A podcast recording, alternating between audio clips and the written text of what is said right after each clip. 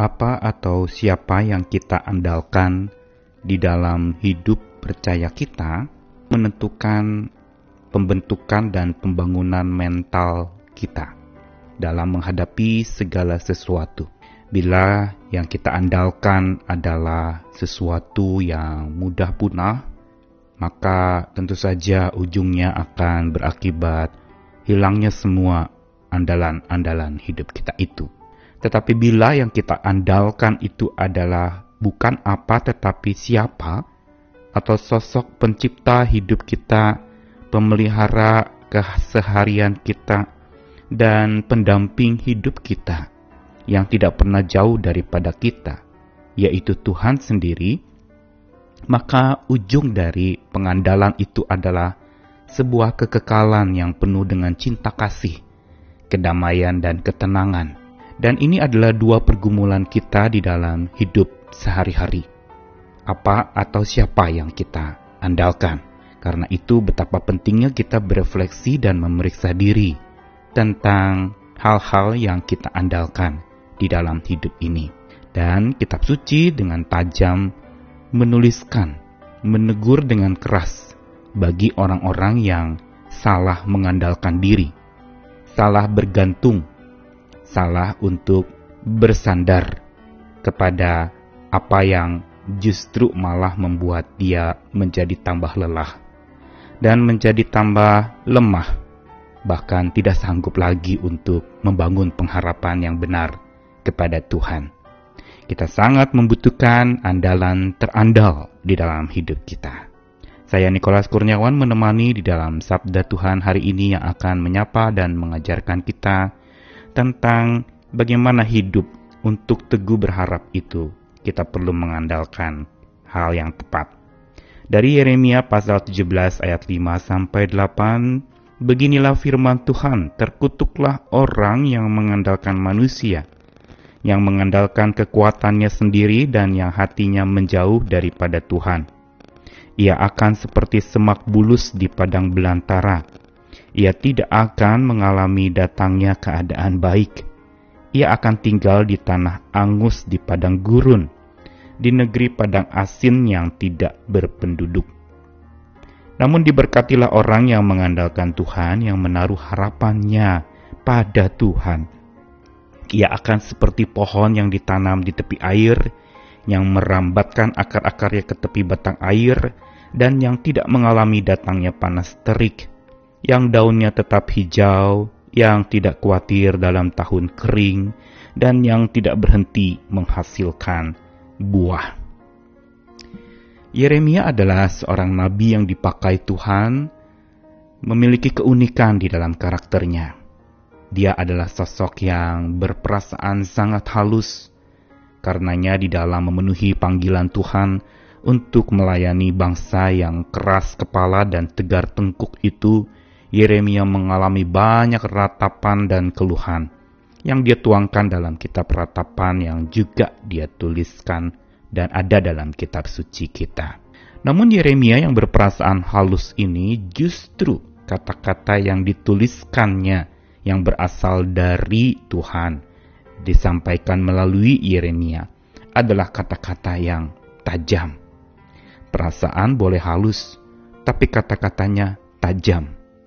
Bukan tajam sembarangan untuk melukai dan membuat orang menjadi patah semangat, tetapi karena perannya sebagai nabi, Yeremia berkata-kata tajam justru untuk menajamkan iman setiap orang percaya yaitu bangsa pilihan Tuhan yang sedang dibimbing dan diajarkan Tuhan, bahkan dihajar oleh Tuhan dengan berbagai macam hal-hal, teguran-teguran, hukuman, dan masih banyak lagi cara Tuhan untuk membentuk agar umat percayanya menjadi berpikiran tajam, berwawasan luas, dan makin dewasa di dalam berharap kepada Tuhan.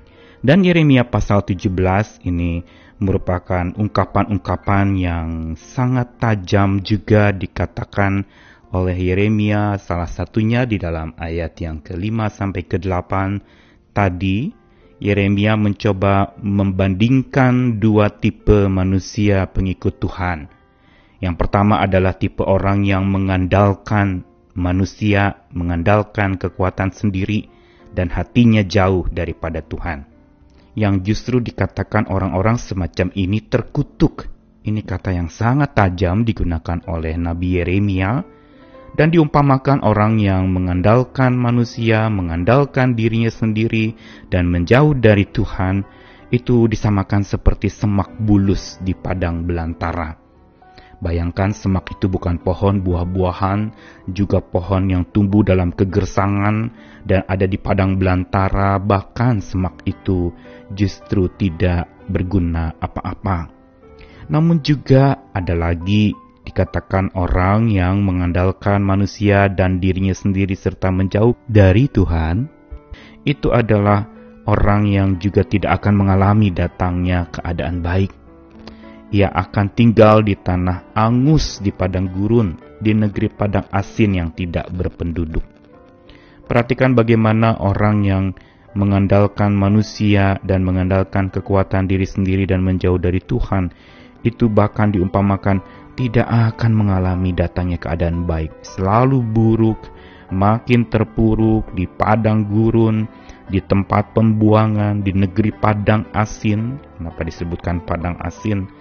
Karena menjadi sebuah tempat di mana kalau padang rumput itu tempat di mana memang ada rumput-rumputan sedangkan padang asin ini adalah sebuah gambaran di mana tempat yang sudah gersang dan tidak ada air yang dapat diminum, yang ada adalah air yang makin membuat haus. Kenapa dikatakan padang asin?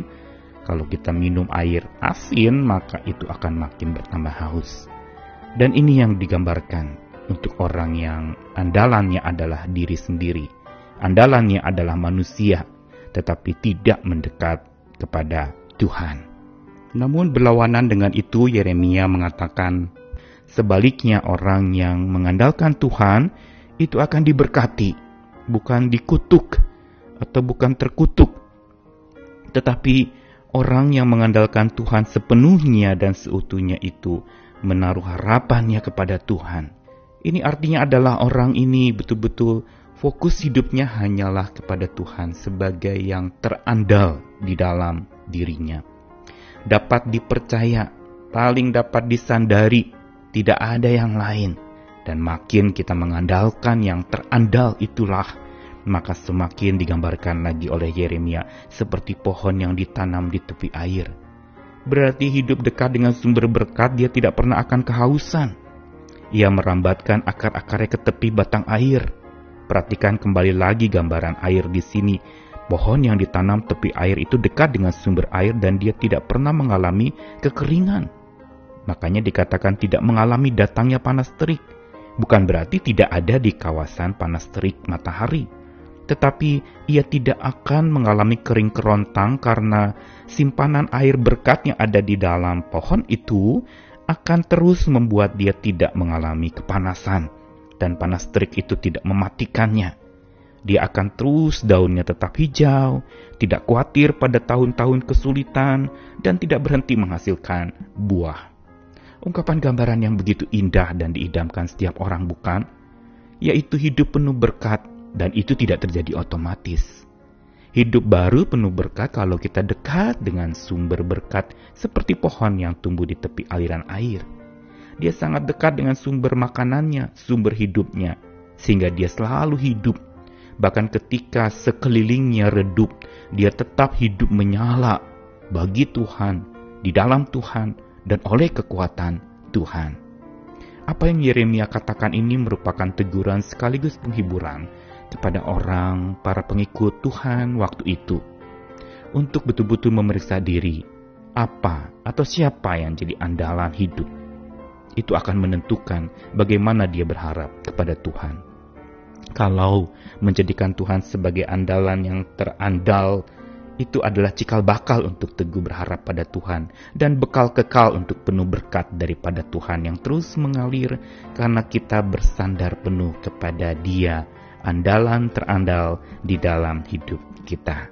Selamat mengandalkannya senantiasa, Tuhan menyertai kita sekalian. Amin.